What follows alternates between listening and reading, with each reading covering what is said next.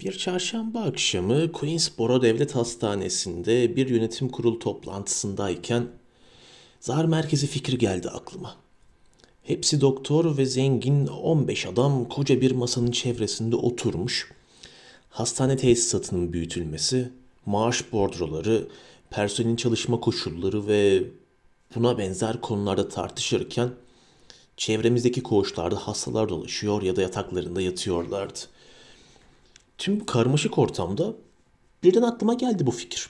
Hastaları rastgele adam haline getirmek için bir zar merkezi kurulabilirdi burada. Beni aylarca uğraştan sonra etkisi altına alan zar yaşamı uygulamaları böyle uygun bir ortamda hastaları birkaç haftalık çalışma sonunda etkileyebilirdi.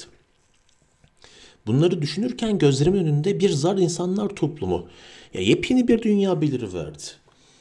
Uzun boylu saygın başkanımız Cobblestone o sırada bazı konuların onaylanmasıyla ilgili Queensboro yasasındaki entikalar hakkında konuşuyordu. Salonda içilen 6 pipo, 3 pro ve 5 sigaranın dumanları yeşil duvarlı odaya bulanık adeta su altı görüntüsü vermişti. Yanımda oturan genç doktor 46 yaşındaydı.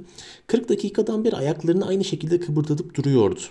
Ya benimki dışında herkesin kalemi not defterinin yanında kullanılmadan duruyordu. Bazıları esnemelerini öksürerek ya da pipolarıyla gizlemeye çalışıyorlardı. Cobblestone hastanenin boru tesisatı ile ilgili konuşması için Doktor Wink'e söz verdi. Ve aynı anda da benim kafamda zar merkezi fikri doğdu. Yeleğimin cebinden yeşil zarımı çıkardım ve böyle bir tedavi merkezi kurma konusunda %50 şans tanıdım ona. Zar olumlu yanıt verince bağırmamak için güç tuttum kendimi.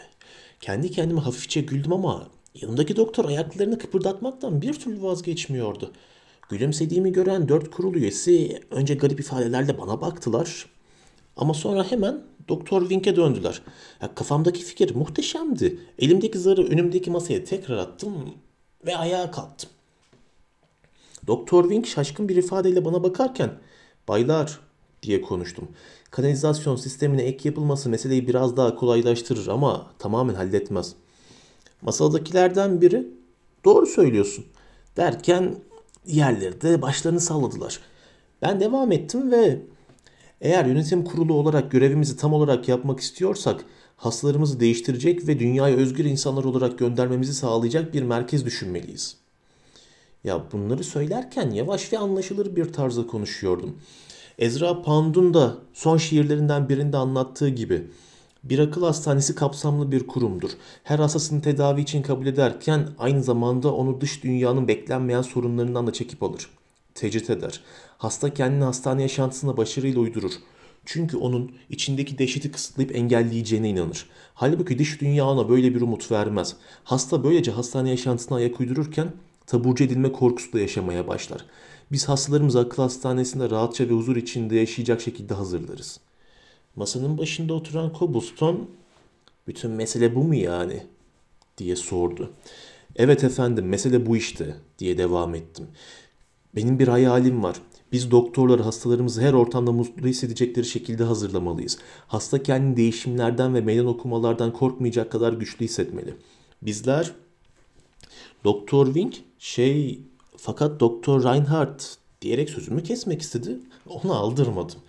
Biz korkmayan bir yetişkin çocuklar dünyası yaratmak istiyoruz diyerek sürdürdüm konuşmamı. Anarşik ve zıt toplumdan kurtulmalı, değişimlere açık olmalıyız. Biz sokakta yürüyen insanların birbirlerini tanımasalar bile selamlaşmalarını istiyoruz. Bireysel kimlikten çıkıp özgürlüğe adım atmak istiyoruz. Güvenlik, denge ve bağımlılık duygularından kurtulmak istiyoruz. Biz bir yaratıcılar toplumu, neşeli delilerle dolu bir manastır istiyoruz.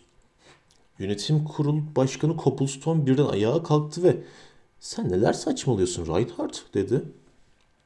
Doktor Mann Tanrı aşkına otur yerine Luke diye söylendi. Yönetim kurulu üyeleri önce şaşkın gözlerle birbirlerine sonra da bana baktılar. Yumruğumu masaya vurdum ve bizler hep aptal gibi davrandık diye bağırdım. Hep aptallık ettik dostlarım. Yüzyıllardan beri seçimin bir yandan kontrol ve disiplin, diğer yandan da bırak yapsın fikir arasında olduğunu düşündük. Her ikisinde ısrarcı alışkanlıklar, davranışlar ve kişilikleri destekleme yöntemleri olduğunu idrak edemiyoruz. Lanet kişilik. Sustum, dişlerimi gıcırdattım ve birden titredim. Bizim disiplinli anarşiye, kontrollü bırak yapsın olayına, günlük kraliçeye, Rus ruletine, vetoya ve bazı oyunlara ihtiyacımız var dostlar. Yeni bir yaşam tarzına, yeni bir dünyaya, bir zar adamlar toplumuna ihtiyacımız var. Bunu söylerken doğruca Cobblestone'un yüzüne baktım ama adam gözlerini bile kırpmadı. Ama bu kez biraz daha nazik bir ifadeyle neden söz ediyorsun sen diye sordu.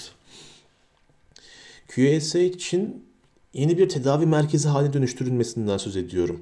Bu yeni merkezde hastalara hayatla oyun oynamaları, hayallerini yaşayabilmeleri, dürüst olmayan davranışlarla bundan zevk almaları, yalan söylemeleri, zarların kararlarına göre nefret, öfke, aşk ve tutku hissetmeleri öğretilebilir. Benim sözünü ettiğim tedavi merkezinde doktorlar zaman zaman birkaç gün ya da hafta için hasta rolü, hastalar da doktor rolü oynayabilir. Terapi seansları yapabilirler. Bu ortamda yaşayan herkes belirli sürelerle değişik roller üstlenebilirler. Değişik hayatlar yaşayabilirler. Bu kadar yeter Doktor Reinhardt. Söz hakkınız sona erdi. Lütfen yerinize oturun. Doktor Reinhardt bunu söylerken ayaktaydı ve gözlerini bana dikmiş, öfkeli bir ifadeyle bakıyordu. Herkes gözlerini şimdi bana çevirmişti ama kimse bir şey söylemiyordu. Ben başkanı aldırmadım ve lanet makine toplumu hepimizi kemirici hayvanlara çevirdi diye devam ettim. İçimizde doğma anını bekleyen dünyaların farkında bile değiliz. Aktörler sadece bir rol oynayabilir deniyor. Kim duydu böyle bir saçmalık? Biz rastgele adamlar, zar adamlar yaratmalıyız. Dünyanın zar adamlara ihtiyacı var dostlar. Dünya sonunda zar halkına kavuşacaktır. O sırada birisi kolumdan tutmuş beni masadan uzaklaştırmaya çalışıyordu.